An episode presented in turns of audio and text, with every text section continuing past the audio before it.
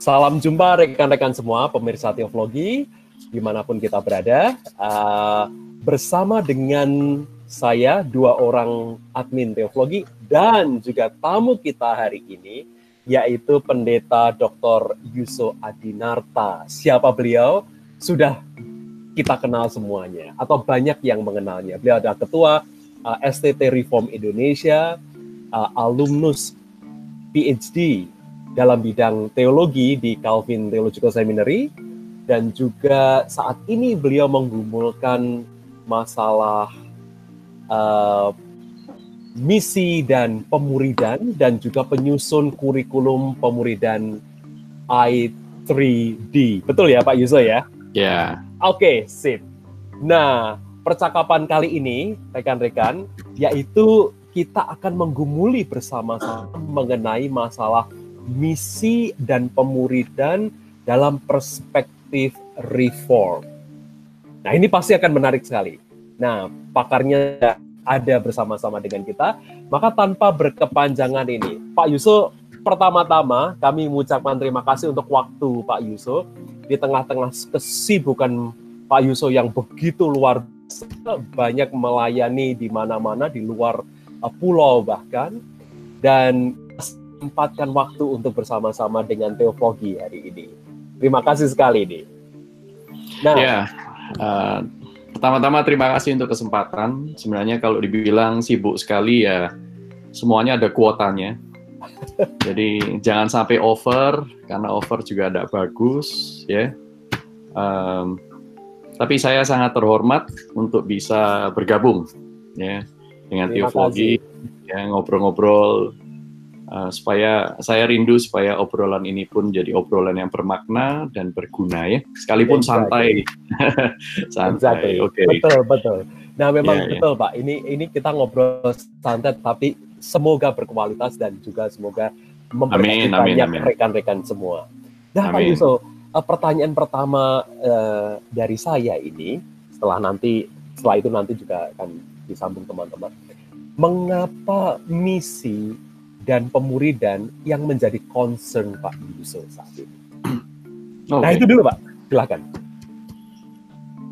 Ya, lewat perjalanan yang panjang ya, tapi memang tidak uh, tidak lepas juga dari pergumulan saya sebagai seorang murid Kristus, sebagai seorang scholar, sebagai seorang hamba Tuhan, um, semua macam predikat itu. Jadi kalau saya kilas balik, saya berani untuk mengatakan bahwa saya bisa bertumbuh menjadi murid Kristus bahkan sampai sekarang ini itu bukan sesuatu yang terjadi um, go with the flow gitu enggak ya bukan sesuatu yang uh, terjadi unintentionally tetapi secara intentional karena ada orang-orang yang menginvestasikan waktu untuk membina saya, mendidik saya, memuridkan saya saya memang um, bertobat itu memang tidak lewat KKR, tetapi lewat KKR saya menyerahkan hidup saya sebagai hamba Tuhan. Jadi KKR, khotbah, dan yang lain-lain itu adalah hanya satu dari sekian banyak cara di mana Tuhan uh, memanggil saya menjadi jadi anaknya ini panggilan anugerah. Nah, tapi kemudian untuk membuat saya bertumbuh ya, itu saya pikir saya bisa bertumbuh seperti sekarang ini karena lewat proses pemuritan yang intensional. Nah, itu saya alami. Nah, kemudian dalam perjalanan hidup saya, saya melihat uh, kontras yang cukup dahsyat ya, kontrasnya ya, antara orang-orang yang bertumbuh tanpa pemuritan yang intensional dengan orang-orang yang bertumbuh dengan pemuritan intensional. Nah, pertumbuhan itu sama-sama bertumbuh, Tuhan yang memberikan pertumbuhan. Tetapi saya melihat bahwa lebih banyak, pertama dari sisi kuantitas, lebih banyak mereka yang bertumbuh secara intensional yang mempunyai kualitas yang lebih baik. Nah, saya tidak menyangkali ada pertumbuhan-pertumbuhan lewat pemuritan yang unintensional. Hmm. Nah, kemudian ini menarik menarik uh, perhatian saya. Saya mulai memikirkan. Jadi sebenarnya apa sih yang Tuhan kehendaki? Tuhan menghendaki setiap orang bertumbuh. Oke. Lalu kemudian siapa yang bertanggung jawab untuk menolong orang lain bertumbuh ini? Maka kita mau tidak mau kembali kepada Alkitab kan.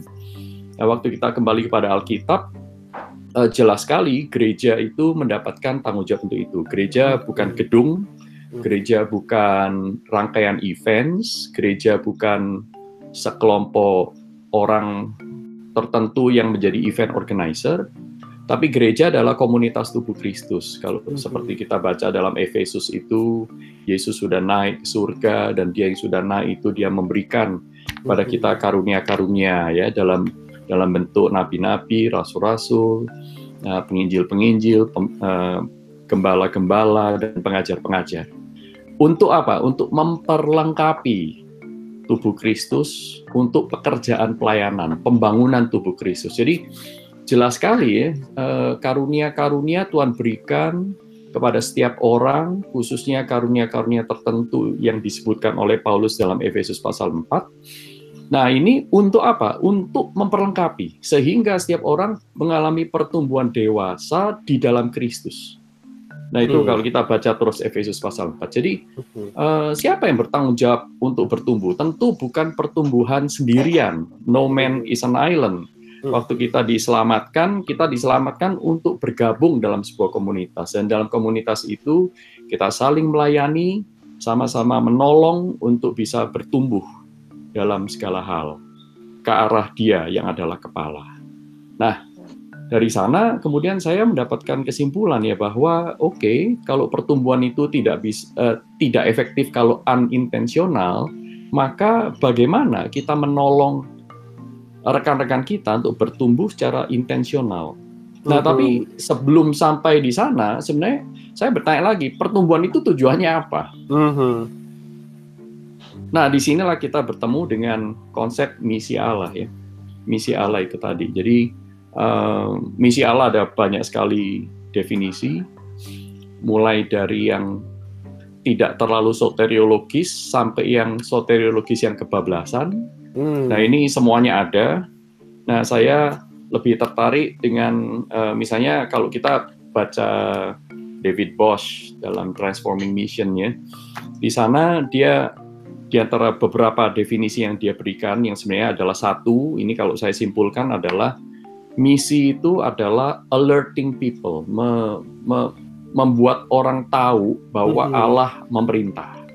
Seperti itu. Jadi se, se, seumum itu, ya. Mm -hmm. Tapi saya lebih lebih uh, setuju, katakanlah saya tidak menentang David Bosch ya, mm -hmm. tetapi saya melihat ada definisi misi yang mungkin lebih lebih pas ya, lebih mm-hmm. pas. Jadi misalnya seperti yang diberikan oleh Johann Hermann Bavinck ya, Johann uh, Johann Hermann Bavinck itu mengatakan bahwa aktif misi itu adalah aktivitas Allah melalui gerejanya yang memanggil manusia di bumi untuk bertobat dan beriman di dalam Kristus. Sehingga mereka diubah menjadi murid-muridnya dan melalui baptisan dipersatukan ke dalam persekutuan dengan Allah. Hmm. Ini sebenarnya rephrasing dari amanat agung Matius 28 ayat 18 sampai 20. Hmm. Jadi aspek soteriologisnya masih ada, tetapi juga tidak menafikan apa yang disampaikan oleh David Bosch hmm. bahwa Tuhan memanggil kita untuk sebuah sebuah misi tertentu dan aspek relasional itu menjadi sangat kuat hmm. di dalam uh, definisi misi Johann Hermann Bavinck karena di sana jelas untuk bertobat, diselamatkan di dalam Kristus, menjadi murid-muridnya, melalui baptisan dipersatukan. Ini semuanya aspek yang sangat-sangat relasional yang sebenarnya sangat kental dalam kitab suci. Jadi bukan hanya uh, misi itu bukan hanya sekadar proklamasi, kamu terima nggak terima ya sudah terserah kamu, enggak. Hmm. Tetapi misi itu berarti menolong orang untuk berdamai dengan Allah di dalam Kristus. Nah, berdamai dalam Allah, eh, berdamai dengan Allah dalam Kristus ini akan menuntun kita untuk menjalankan kehendak Allah. Nah, menjalankan kehendak Allah mau tidak mau akan bertemu dengan misi Allah di muka bumi. Mm-hmm. Jadi ini semacam ada cyclical begitu ya. Uh, Tuhan memanggil kita supaya kita menjadi murid, tapi menjadi murid yang nanti memuridkan yang nanti memanggil orang lain lagi menjadi murid dan seterusnya sampai Allah dipermuliakan di muka bumi ini. Mhm. Nah ini pergumulan kan panjang sekali ya. Nah Ya. untuk menjadi seseorang menjadi murid yang bisa memuridkan, nah ini tadi konsep pertumbuhan ya. Dari bertobat sampai menjadi murid, sampai menjadi murid yang memuridkan, ini ternyata dalam kondisi lapangan, realitas sehari-hari, itu tidak efektif jika tidak dilakukan dengan intensional.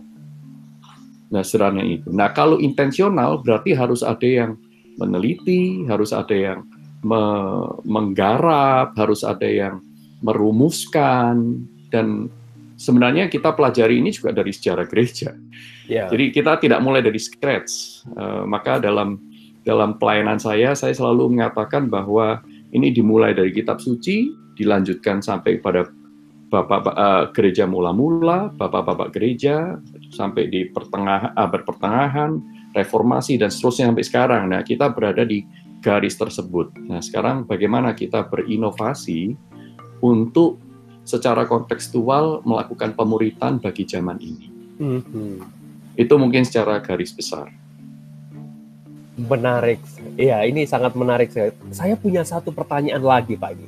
Bicara Iya. mengenai trayektori uh, penelitian Pak Yuso dan concern dari uh, Pak Yuso tadi sebutkan sebagai seorang scholar, uh, hamba Ya. Tuhan.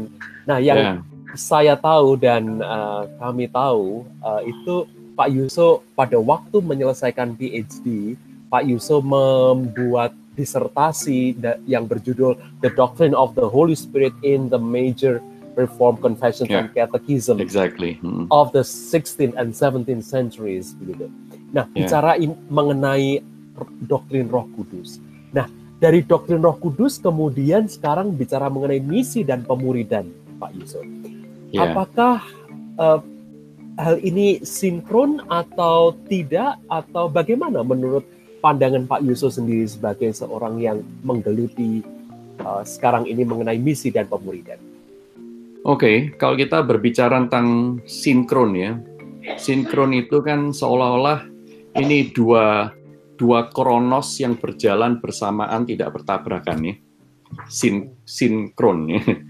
Eh, saya tidak melihatnya sebagai sinkronisasi, saya justru Hmm. melihatnya sebagai kontinuitas. Hmm, Ya, kontinuitas itu kan berarti memang satu jalan. Kalau sinkron itu dua jalan yang dipersatukan ya. hmm, Nah, jadi saya melihat ini memang sebuah proses yang organik. Waktu saya um, studi di Calvin Seminari, hmm. saya berhadapan dengan dokumen-dokumen sejarah yang affirming, ya, yang affirming kontinuitas itu, dan bahkan fill in the gap. Ya Hmm, fill in the gap apa yang selama ini saya bukan hanya tidak aware, saya longing Mhm. for it ya. Saya mencari Mhm. landasan histori. Saya tahu ini benar, tetapi saya tidak menemukan landa. Saya belum mempelajari terlalu dalam mengenai landasan eh, historisnya plus Mhm. landasan teologisnya yang lebih solid lagi. Nah, maka waktu di Calvin Seminar itu saya berhadapan dengan katakanlah dokumen yang namanya Confessions dan Catechisms hmm, ya pengakuan-pengakuan iman dan katekismus. Kalau kita zaman sekarang dulu sebelum saya melakukan studi historis itu, saya lihat pengakuan-pengakuan iman ini kok seperti maaf ya eh, rumusan UUD 45 atau tata tertib PKK yang kita biasa dapat di di pelajaran sekolah tanpa kita sebenarnya tahu benar mengapa itu ada. Ya sekalipun kita juga pelajari dari sejarah ya eh, UUD 45 itu sejarahnya seperti apa ya. Nah, waktu saya mempelajari sejarah dari katekismus dan confessions ini, saya sangat-sangat diperkaya ya. Saya melihat bahwa concern dari khususnya tradisi reform abad 16 abad 17 protestantisme dengan dengan uh, confessions-nya uh, saya melihat bahwa concern-nya itu adalah mengembalikan kepada prinsip firman Tuhan yang benar. Nah, ini di abad 16. Nah, di akhir abad 16 sampai abad 17, proyeknya itu sudah sudah tidak hanya masalah doktrin, hmm. tetapi bagaimana kita memiliki hidup yang berpadanan dengan Injil. Nah, ini yang sering kali dilupakan oleh banyak orang yang mengaku reform di Indonesia Hmm, ini. hmm, Jadi mereka hanya berpikir bahwa oke, yang penting itu kita punya doktrin yang benar. Yang penting itu Mhm. orang bertobat, kita melakukan penginjilan. Tapi kita lupa bahwa eh, itu baru pintu masuk, baru titik awal. Nah maka ke mana-mana saya selalu bagikan kepada mereka, tidak ada amanat agung yang ada di Alkitab itu pertobatkanlah, convert people, tidak ada. hmm. Karena itu bukan tujuan akhir. Saya Hmm. tidak mengatakan itu tidak penting, itu sangat Ya. penting. Tetapi itu yang pertama, tapi bukan tujuan akhir. Oh, Nah, banyak orang salah mengerti juga ya. Tapi it's okay lah. Ini dalam perjalanan proses pembelajaran. Nah, saya katakan bahwa panggilan kita adalah muridkanlah segala bangsa hmm. untuk memuridkan mereka untuk memuridkan mereka menjadi murid-murid Kristus. Mau tidak mau kita harus memperkenalkan Kristus loh kepada mereka. Hmm. Nah, memperkenalkan Kristus ini adalah yang kita sebut dengan penginjilan. Nah, penginjilan itu ada banyak sekali metode. Nah, sekali lagi, eh, semua yang saya katakan ini itu punya landasan bukan hanya teologis, Ya. tapi juga historis. Landasan teologisnya, Alkitab berkata, seperti tadi yang saya katakan, Paulus mengatakan, hendaklah kamu memiliki hidup yang berpadanan dengan Injil. Misalnya seperti itu. Itu jelas. Jadi Hmm. bukan hanya semata-mata confessing Christian, tetapi living Christian. Nah, untuk confessing Christian ini ya relatif lebih mudah daripada menjadi living Christian. Nah, seperti yang dikatakan oleh Ellen Hirsch ya. Ellen Hirsch berkata, mempelajari doktrin Kristen itu lebih mudah daripada mengikut Kristus. Hmm. Nah, jadi ya, kalau kita hanya puas dengan hadir di kelas-kelas, seminar-seminar, tetapi hidup kita tidak berpadanan dengan apa yang kita percayai, hidup kita tidak menarik orang lain kepada Kristus, berarti there is something wrong dengan doktrin kita. Nah, ini Hmm. sebenarnya sudah diadres oleh orang-orang reform di abad 16 dan 17 yang disebut oleh eh, Murray, John Murray itu sebagai intelligent piety, intelligent piety. Jadi ada ada keseimbangan antara intelek dengan piety. Nah ini penekanan eh, reformasi atau teologi reform, reform tradition, bahkan termasuk eh, Lutheran ya dan aliran-aliran Protestantisme yang lain ya. Mereka mulai menekankan kepada sekarang bagaimana setelah kita sudah uh, mengaku percaya kepada doktrin-doktrin tertentu. Ya, ad- akhirnya adalah mari kita mengembangkan kehidupan yang berpadanan dengan Injil. Hmm. Nah, nah kemudian kita juga bisa lihat misalnya di Kolose pasal 4 ayat 2 sampai 6 ya. Yang nanti besok itu malam saya akan interaktif di Hardline FM juga ya. Nah, saya akan bagikan bahwa di sana Paulus di Kolose pasal 4 ayat 2 sampai 6, dia mengatakan tolong doakan kami ya, supaya pintu Injil semakin dibukakan, kami mendapatkan kesempatan memberitakan Injil dan kami bisa memberitakan Injil dengan clarity, dengan jelas, dengan yang sebenarnya. Kata Alkitab pakai Al- bahasa Indonesia menerjemahkan dengan yang sebenarnya. Tapi sebenarnya dengan clarity itu maksudnya. Hmm. Lalu Paulus tidak berhenti di sana. Paulus berkata, in the meanwhile, ya sembari itu, kamu milikilah hidup yang baik, hidup yang menarik. Eh, janganlah perkataanmu itu tawar, tetapi biarlah orang-orang itu engkau berkati sehingga mereka itu bertanya-tanya kepadamu dan kamu siap untuk menjawab. Nah, siap untuk menjawab tentu yang dimaksud Paulus adalah siap untuk memberitakan Injil. Ya. Nah, di sini dalam Kolose pasal 4 ayat 2 sampai 6 ini ditegaskan juga dalam 1 Petrus 3 ayat 15 sampai 16. Paulus berkata, "Bersiap sedialah untuk Hmm. memberikan pertanggungjawab terhadap orang-orang yang bertanya kepadamu." Nah, sekarang pertanyaannya begini. Eh, ini ada dua isu yang menarik ya. Yang pertama, Hmm. Paulus sebenarnya dari dari beberapa ayat tersebut dari surat-surat Paulus kita melihat bahwa Paulus melihat realitas bahwa tidak semua orang mendapatkan office sebagai penginjil Hmm. dan tidak semua orang diberikan karunia public speaking. Tetapi ini golongan orang sat- eh, satu golongan yang pertama yaitu ada orang-orang yang memang diberi karunia menjadi public speaker, menjadi penginjil. Sehingga orang-orang seperti ini misalnya seperti Bung DS, Bung NS dan Miss JL ini ya kan mempunyai karunia dan talenta itu. Nah, tetapi sebagian besar orang Kristen yang lain mereka nggak punya talenta itu. Tetapi kedua golongan ini mempunyai tugas yang sama memberitakan Injil. Mhm. Metodenya saja yang berbeda. Mhm. Ya, yang satu secara publik, yang satu lewat hidup sehari-hari. Nah ini dasar Alkitab ya. Jadi ada dua macam two prong strategi. Dan two prong strategi ini sudah dibuktikan sangat-sangat efektif di abad gereja mula-mula. Dari sekitar 12 murid yang Tuhan Yesus invest, Tuhan Yesus melatih mereka, memuridkan mereka selama tiga tahun lebih. Dan Anda tahu berapa jumlah orang Kristen di pertengahan abad keempat, tahun 350, Mm-hmm. Menurut Rodney Stark dalam bukunya The Rise of Christianity, jumlah orang Kristen pada zaman itu menjadi 33 juta 882 ribu. Hmm. Dan itu dimenangkan bukan karena ada pembicara-pembicara KKR yang luar biasa. Bukan karena uh, ada grup band yang besar.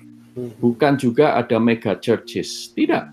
Mereka simply melakukan strategi dua ujung tombak itu. Satu ada penginjil-penginjil yang memang berkarunia bertalenta mengerjakan bagiannya. Yang satu lagi sebagian besar orang yang lain itu mereka memberitakan Injil lewat hidup mereka sehari-hari, membuat hidup mereka sedemikian atraktif seperti kata 1 Petrus 3:15 ya. Uh, Titus juga mengatakan begitu, bikinlah hidupmu itu atraktif. Sehingga sehingga doktrin yang kita percayai itu menjadi attracting people. Hmm. Attracting people. Sehingga orang itu akan bertanya. Nah, ini kan sesuatu yang diasumsikan oleh Paulus ya. Hendaklah engkau siap memberikan jawaban. Nah, kalau tidak ada yang tanya, bagaimana kita bisa pernah memberitakan Injil? Nah, kita hanya bisa memberitakan Injil pada saat hidup kita ini berubah. Pada saat hidup kita itu menyatakan Kristus, Roh Kudus, Allah Bapa, Allah Tritunggal itu mengubah hidup kita. Sehingga perubahan itu begitu nyata, attracting people. Kok bisa ya? Misalnya kamu itu mau mengasihi saya yang suka melukai kamu. Bagaimana mungkin kamu yang dulu pecandu narkoba, sekarang kamu giat melayani Tuhan?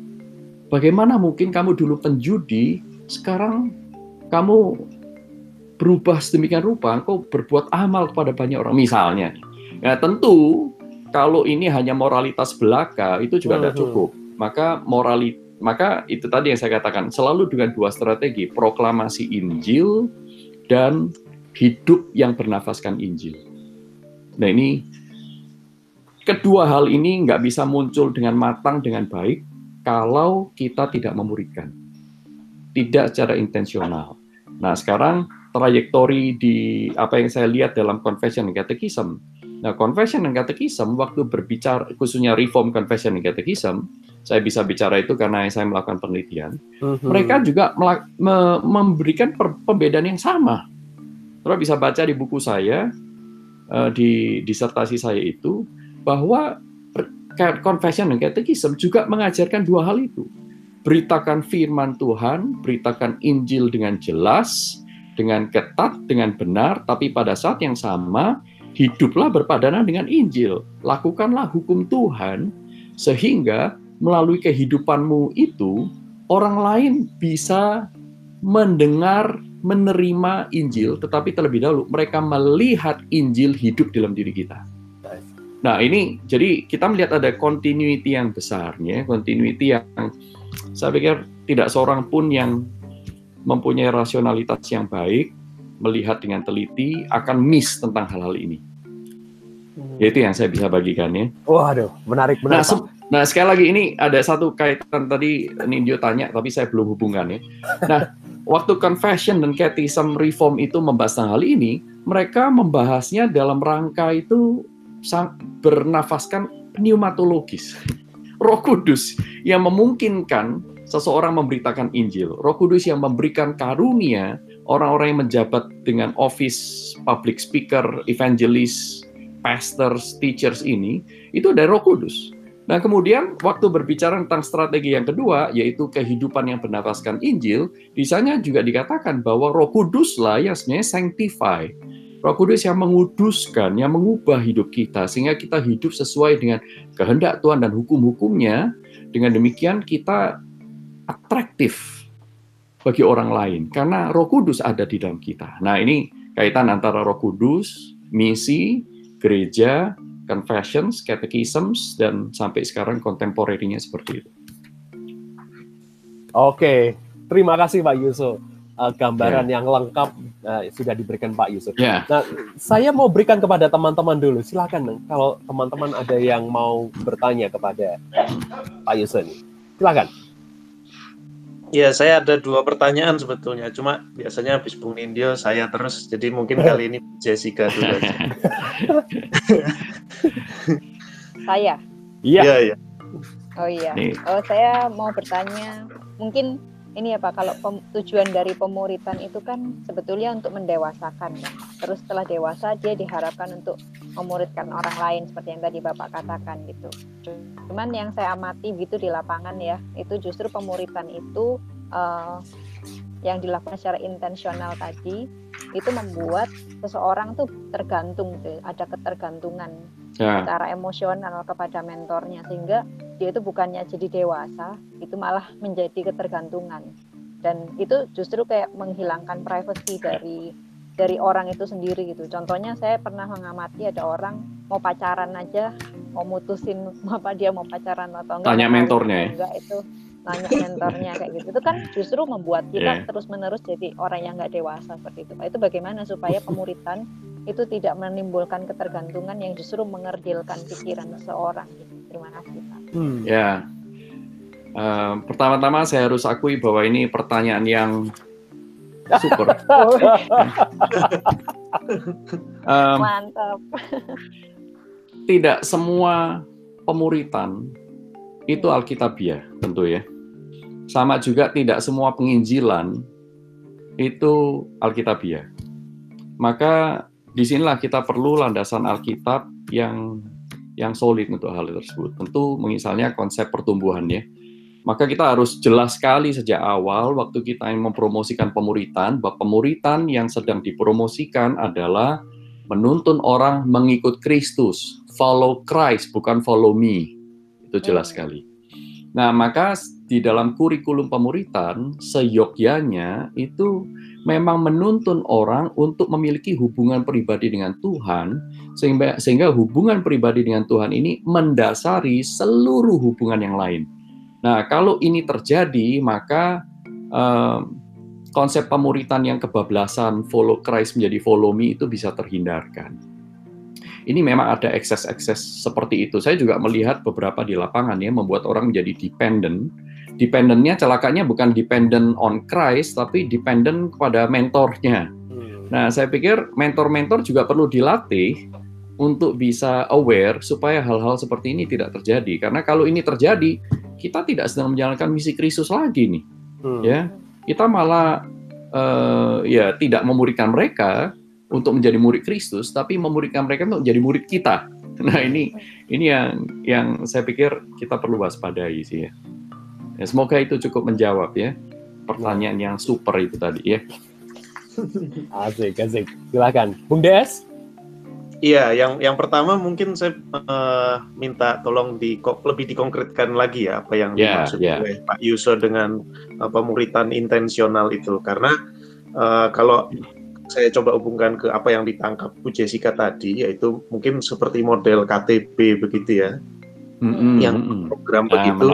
uh, saya saya mau mau tanyanya kalau tadi Pak Yuso mengklaim model pemuritan intensional itu pun ada pada tradisi di masa lalu begitu. Saya ingin tahu secara konkretnya bentuknya seperti apa ya di tradisi reform khususnya di eh, masa abad, lalu abad, atau di iya, iya abad mula-mula di, di masa lalu di ya reform? Ya okay. Di tradisi reform khususnya ya tradisi reform mula-mula uh, model pemuritan, pemuritan intensionalnya itu seperti apa? Eh, oke, oke, oke. Lalu, lalu uh, kedua.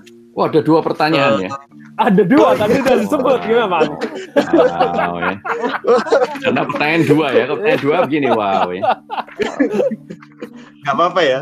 Gak apa-apa, gak apa-apa, silakan. Nah, yang kedua ini uh, sampai sebatas apa ya kita mesti apa mengupayakan supaya kehidupan Kristen itu tampak menarik bagi orang di luar sehingga mereka atraktif untuk untuk apa namanya untuk menjadi Kristen begitu karena uh, pertama-tama dalam ya. fase-fase sejarah yang berlainan apa yang menarik bagi orang itu bisa berbeda begitu. Exactly, benar. Uh, misalnya kita bisa mengatakan kalau tadi Pak Yusuf mengkritik uh, bukan lewat band atau mega church apa jangan-jangan itu juga salah satu upaya supaya atraktif gitu ya apa atraktif gitu ya bagi orang-orang di zaman abad 21 lalu Baik. kita bisa hmm. kita bisa juga uh, bertanya bertanya mungkin uh, apa ada banyak model-model attractiveness yang mungkin harus juga dipertanyakan ya misalnya yes. attractiveness to power begitu itu kan justru sangat menggoda bagi yes. bagi manusia. Yeah. Ya. Uh, lalu juga kita bisa apa? Lima menit lagi. uh, lalu uh, kalau mi misalnya menggunakan contoh Alkitab, atraktif apa misalnya kita pakai contoh nabi-nabi ya di perjanjian lama atau Yohanes Pembaptis itu justru kan sangat tidak menarik bagi bagi banyak orang di masanya begitu misalnya hmm. jangan Yohanes Pembaptis lah dia masih punya banyak pengikut ya misalnya Yeremia begitu ya hmm. atau Yeskiel begitu itu kan justru asing sekali begitu kan ya, ya. justru malah malah orang-orang melihat aneh begitu kan atau Yesus yang ditinggalkan oleh orang-orang enam ribu yeah. orang itu Yohanes pasal yeah. 6 itu lima ribu orang ah itu gimana iya yeah. iya yeah. pak Oke, okay. jadi saya berusaha untuk merangkum pertanyaan-pertanyaan yeah. itu dengan jawaban yang bernarasi ya. Jadi kita coba lihat sejarah ya. Kita mesti lihat kenapa gereja pada zaman itu tidak bisa menggunakan model mega church karena memang tidak mungkin Mas DS. Kita mesti ingat Judeo Christianity itu berada di bawah penjajahan Roma. Itu sebabnya Kristus disalibkan. Orang boro-boro bangun gereja ya, di house church saja bisa ditangkap dan dibunuh, dimakankan binatang buas. Jadi uh, itu yang terjadi. Nah kemudian bagaimana mereka memuridkan pada abad mula-mula itu kalau kita pelajari eh, dokumen-dokumen sejarah ya, jadi bukan cuma didake yang kita baca, tetapi kisah-kisah mengenai bagaimana seseorang dimuridkan sampai katakanlah sampai di abad keempat ya Agustinus ya itu ternyata ada yang namanya itu life mentoring, life mentoring. Seperti apa yang Tuhan Yesus lakukan kepada para murid, para murid juga lakukan kepada murid-murid mereka yang mereka bawa kepada Kristus. Kita melihat Timotius, Titus, seperti itu ya. Dan kemudian ternyata itu berlanjut. Berlanjut. Nah, secara secara praktisnya begini nih. Uh, kalau ada seseorang berkata, saya mendengar Injil di khotbah, uh, teman saya memberitakan Injil kepada saya, saya tertarik, saya ingin menjadi murid Kristus. Katakanlah dia datang kepada Bung DS ya. Bung DS ini sebutkanlah uh, seorang presbuteros di abad kedua, abad ketiga, katakanlah begitu ya. Bung Desus Daniel si Hombingus misalnya begitu ya. Nah kemudian uh, lalu Bung DS ini tidak serta-merta, oh aduh, puji Tuhan, ayo kamu saya ajak ke gereja. Enggak, mereka nggak lakukan itu. Karena apa? Waktu itu mereka harus betul-betul extra cautious, hati-hati sekali. Jangan-jangan ini orang bayaran Romawi untuk membongkar gereja Batana. Hmm. Nah, jadi apa yang mereka lakukan adalah mereka melakukan live mentoring. Oke, okay, kamu ingin mengenal Kristus, baik mulai sekarang satu minggu, satu kali, dua kali, kita ketemuan yuk gitu. Mereka ketemuan nih. Waktu ketemuan mulailah ada percakapan pemberitaan firman Tuhan pengajaran penginjilan dilakukan di sana. Nah ini uh, mereka simply memberitakan pengajaran-pengajaran para rasul yang mungkin awal-awal tentu tidak terstruktur kurikulum itu mungkin sangat fluid sampai akhirnya di abad ke 6 pun ya kita baru mempunyai katakanlah rumusan formulasi pengakuan iman rasuli seperti yang kita miliki sekarang. Itu lengkapnya di abad ke-6 tuh. Hmm. Tapi mulai dari abad pertama itu kan mulai dari amanat agung Yesus ya. Baptislah mereka dalam nama Bapa, Anak, dan Roh Kudus, pengajaran Allah Tritunggal. Nah, kemudian dikembangkan, di flash out menjadi uh, Bapa pencipta langit dan bumi, Allah Anak itu yang uh, diutus dan kemudian lahir dari perawan Maria dan seterusnya sampai Roh Kudus dan seterusnya itu di flash out sedemikian rupa sampai di uh, abad ke-6 plus ketambahan dengan beberapa dokumen-dokumen pengakuan iman, konfesi, hasil konsili ya. Jadi pada zaman itu kita bayangkan abad kedua dokumen-dokumen itu nggak ada kan, semuanya itu baru oral. Nah jadi dari murid yang memuridkan. Nah kemudian mereka melihat apakah Injil itu bukan hanya dikonfes, tetapi dihidupi. Nah ini sangat memungkinkan karena proses yang terjadi itu adalah lewat live mentoring. Kalau di abad kita sekarang, lulus katekisasi itu belum tentu murid Kristus loh Setuju nggak? Mm-hmm, mm-hmm. Kita nggak bisa jamin loh. Mm-hmm. Karena kadang-kadang orang ikut katekisasi buat apa? Ya kalau nggak katekisasi saya nggak boleh nikah loh. Karena peraturan dan seterusnya. Jadi ya demi nikah ya saya harus katekisasi lalu dibaptis. Nah zaman itu enggak. Mereka harus memastikan orang yang dimuridkan itu betul-betul murid Kristus dan makan prosesnya itu panjang. Panjang sekali konon katanya, konon ya, silakan diselidiki juga. Uh, Agustinus itu dimuridkan, di mentoring, katakanlah di katekisasi kalau zaman kita sekarang, itu selama 8 tahun. Hmm. Agustinus 8 tahun. Tapi ya hasilnya kita lihat kualitasnya. Nah, setelah katakanlah Bung Daniel Sihombingus ini yang membimbing seseorang itu berhasil melihat buah-buah nyata pertobatan yang ya katakanlah 99% tidak perlu diragukan lagi, baru Bung DS ini mengajukan dia kepada eh, katakanlah overseer bishop untuk dibaptis pada hari Paskah. Misalnya seperti itu. Nah, kita melihat di satu sisi eh, ada unsur kehati-hatian. Di sisi yang lain ada unsur eh, kematangan pertumbuhan yang dihasilkan. Nah, sehingga tidak mengherankan pertumbuhan jemaat itu dahsyat. Padahal jemaat ini di dalam kondisi penjajahan. Mereka itu sebagai kelompok yang marginal. Dari 0,000 sekian persen dibandingkan dengan populasi Romawi di abad pertama, waktu Tuhan Yesus naik ke surga misalnya, 120 orang ya, itu sampai di tahun 350 menurut buku Rodney Stark itu jumlah orang Kristen sudah sudah meliputi 56,5 persen dari seluruh populasi Romawi. Tidak mengherankan Konstantin tidak mengambil keputusan menjadikan Kristen itu agama negara karena untuk menghindari riot, untuk menghindari um, segala kemungkinan yang tidak diinginkan, maka terjadi kristenisasi Romawi oleh Konstantin. Nah itu uh, ya akibatnya kita sudah lihat sendiri ya di abad pertengahan kekristenan justru malah decline. Nah, kemudian di abad reformasi apa yang terjadi? Nah, abad reformasi ini sebenarnya di awal-awal reformasi kekristenan menuai apa yang ditabur di dalam abad pertengahan. Ketika hmm. pemuritan itu sekali lagi tidak dikerjakan, ya. Ketika pemuritan tidak eh, sekali lagi tidak eh, tidak dikerjakan, maka eh, doktrin dan kehidupan dekadensi moral itu menjadi semakin lama semakin nyata. Hmm. Gampang sekali orang-orang Kristen melakukan uh, katakanlah sinkretisme ya dengan agama agama setempat ya. Ada banyak sekali suap, nepotisme, amoralitas bahkan di dalam diri para pemimpin gereja kan kita melihat seperti itu. Nah, kemudian reformasi melihat ini nggak benar ini harus dikembalikan lagi kepada prinsip kebenaran firman Tuhan dan mereka melihat bahwa kuncinya adalah di pemuritan. Sekalipun hmm. mereka tidak menggunakan istilah pemuritan sesanter sekarang ini, tapi basically itu yang mereka lakukan. Mereka mereka mengatakan kita memerlukan doktrin. Jadi sebenarnya arti doktrin itu apa? Doktrin itu sendiri artinya kan pengajaran, ajaran.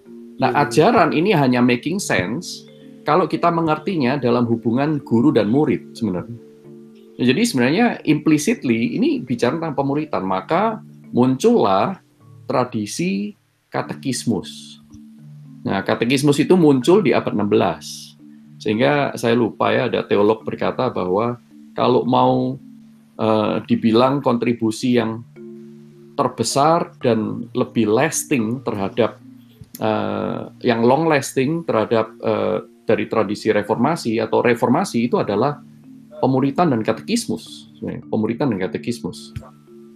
Nah, um, itu yang mereka galakkan di abad 15, abad 16, dilanjutkan di abad 17, ditolong, ditopang dengan dokumen-dokumen confession, katekismus itu dijalankan, diterapkan. Dalam teologi reform misalnya, tradisi reform, kita bisa lihat praktek itu dalam catatan-catatan dalam Richard Baxter ya. Dan sebenarnya katekismus itu menjadi salah satu penopang yang kuat bagi teologi reform atau tradisi reform bertahan.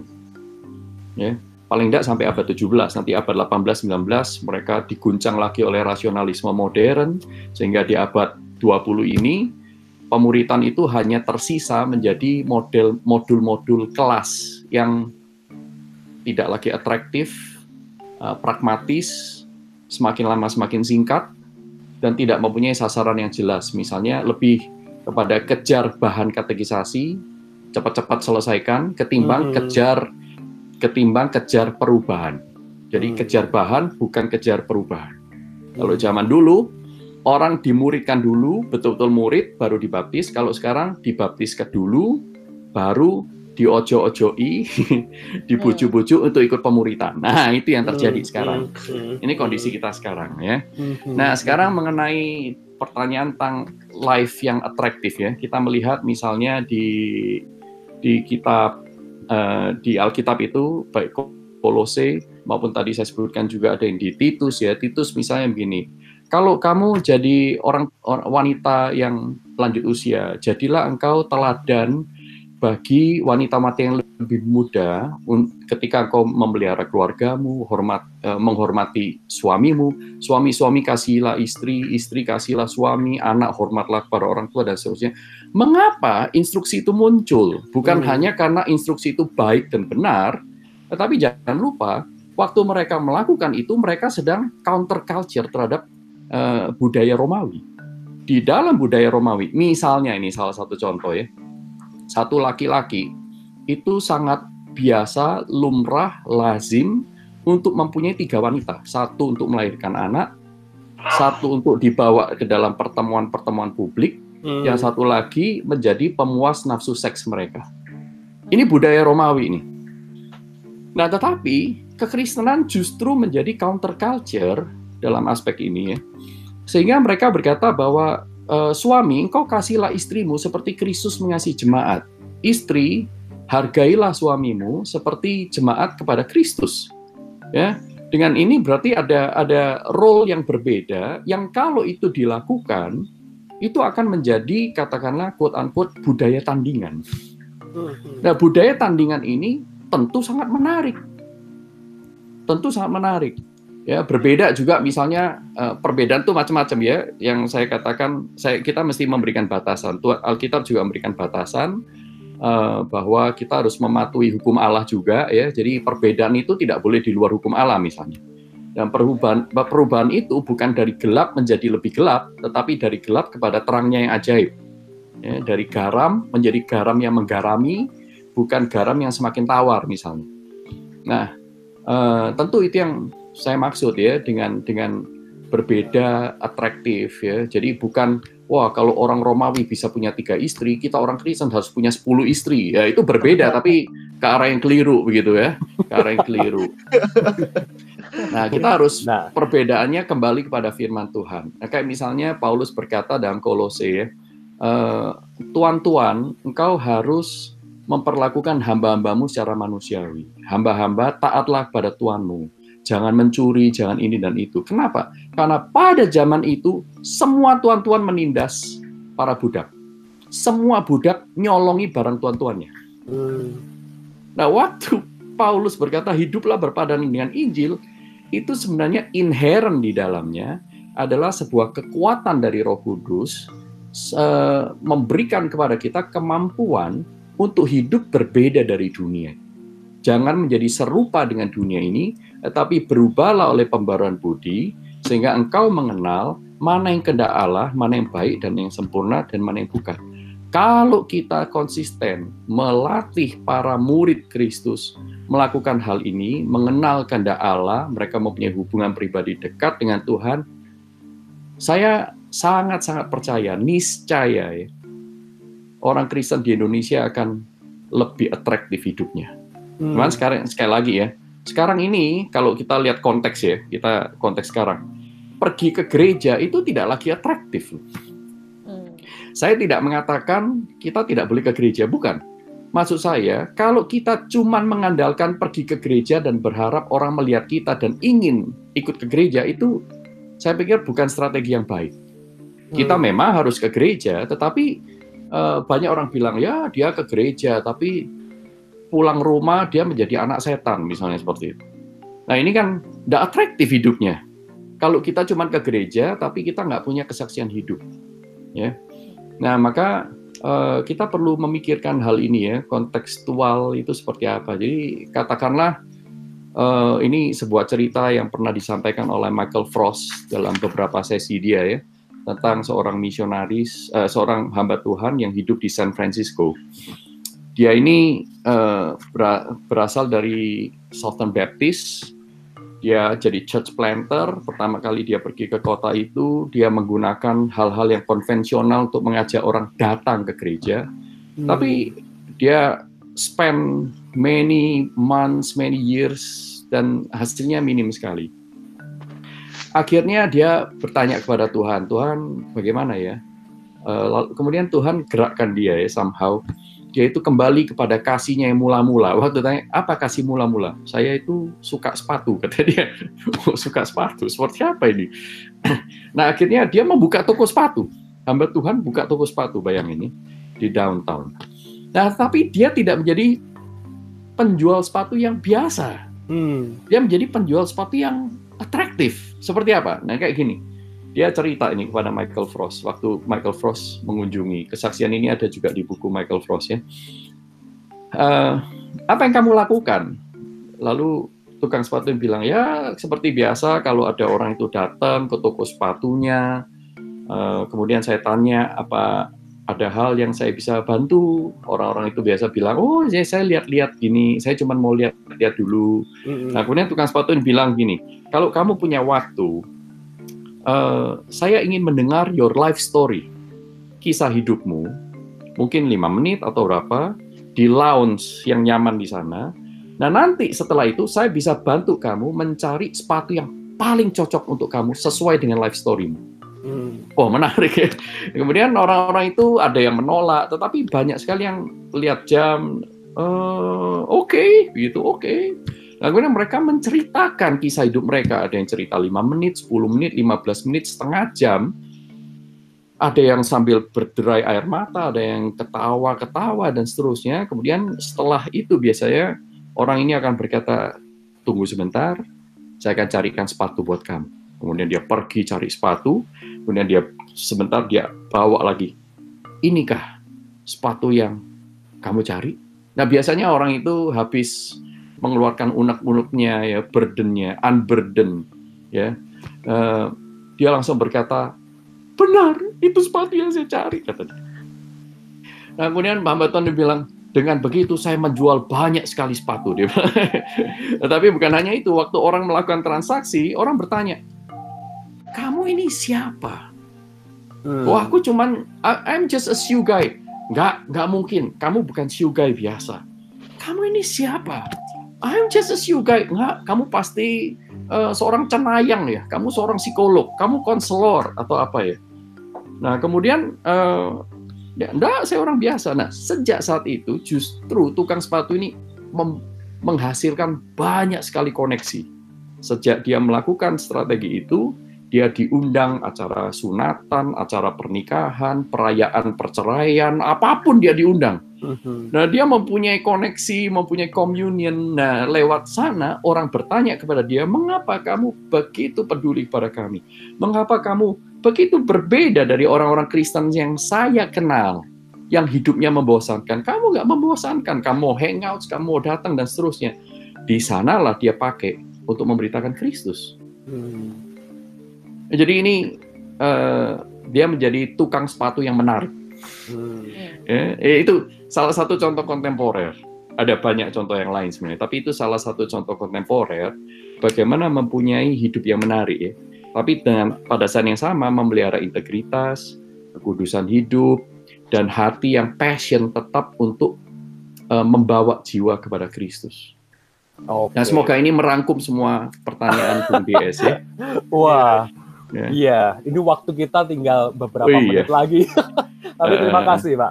Ini yeah. sangat sangat sangat penting dan sangat menarik. Nah, uh, yeah. saya pertanyaan punya pertanyaan yang kecil aja sebenarnya sih. Kalau kalau misalnya uh, ini intensional dan ya. seorang yeah. murid Kristus itu harus dilatih, yeah. apakah tidak dengan demikian menambah kegiatan gereja atau ah, menambah menarik.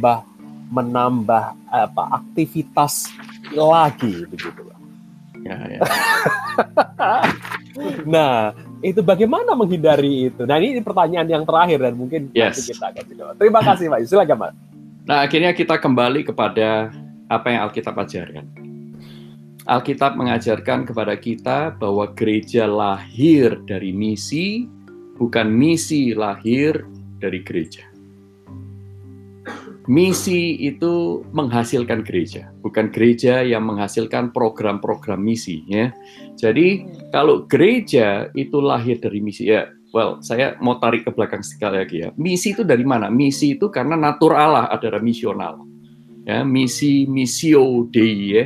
Misio dei sering kali salah diterjemahkan menjadi the mission of God, tapi yaitu salah terjemahan. Sebenarnya yang benar adalah missioning God jadi Allah yang bermisi ya, misio Dei itu Allah yang bermisi, Allah yang missioning, Allah yang commissioning dan missioning. Kita melihat banyak sekali kisah di Alkitab. Jadi Allah itu selalu bergeraknya itu keluar. Justru dengan uh, natur Allah atau atribut Allah yang misional ini, kita menjadi bisa making more sense atribut-atribut yang lain. Misalnya, uh, kita bisa lebih making sense tentang Allah adalah kasih Allah adalah kasih akan lebih make sense kalau Allah itu mengasihi keluar dari dirinya ya.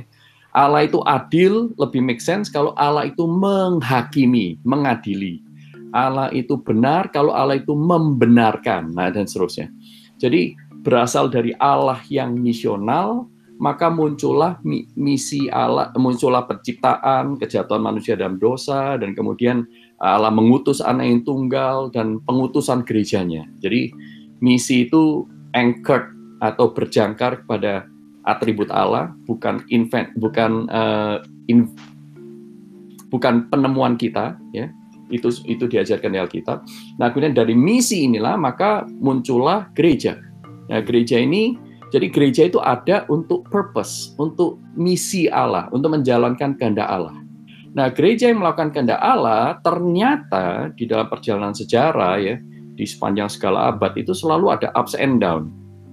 Nah, kadang-kadang keluar dari misi Allah, kemudian masuk lagi, keluar lagi, masuk lagi, dan seterusnya. Dan di zaman kita ini, gereja itu sekarang hanya menjadikan misi itu salah satu departemen, misalnya. Hmm, hmm. Sementara yang lain itu seolah-olah separated, tidak integrated.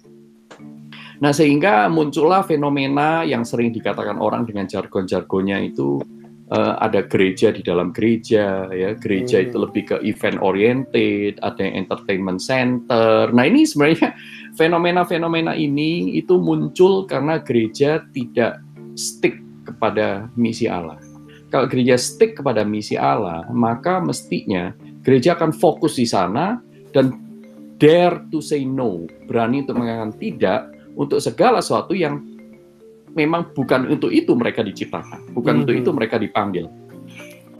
Nah, jadi katakanlah sederhananya begini, ini mungkin untuk uh, menutup ya. Mm -hmm.